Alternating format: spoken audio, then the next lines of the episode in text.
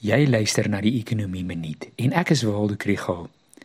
Hierdie jaar het die ekonomiese nuus gegaan oor inflasie en rentekoerse en ons almal het dit aan ons sakke gevoel. Dit lyk nou of inflasiedruk begin afneem en die vraag is wanneer rentekoerse 'n draaipunt gaan bereik en selfs gaan begin afneem.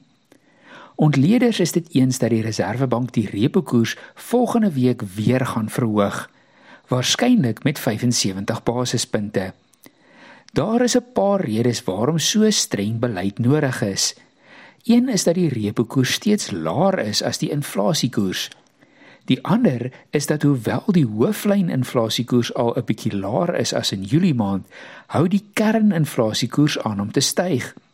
Die skok van hoër voedsel- en brandstofpryse het uitgekring na ander pryse en na looneise. Daarby het die waarde van die rand sedert April maand al met 20% afgeneem.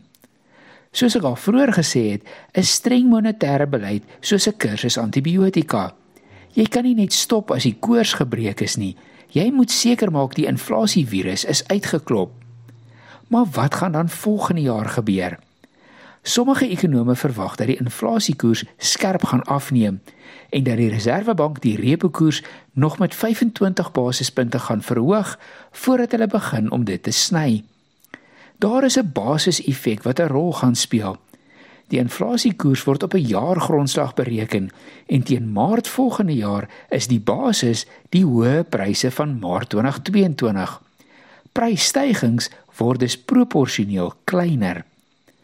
Ander dink dat inflasie nie so vinnig gaan daal nie en dat die repo koers in Januarie met 50 basispunte en in Maart met 25 basispunte gaan verhoog en dat dit dan daar gaan bly vir die verloop van die jaar. Wat in die FSA gebeur is ook van belang. As hulle aanhou om rentekoerse te verhoog, sal ons nie kan bekostig om agter te raak nie. Dit kan dus altesaam die rentekoers op jou huislening of voertuigfinansiering met 1,5 persentasiepunte lig. Dit gaan baie begrotings onder druk plaas.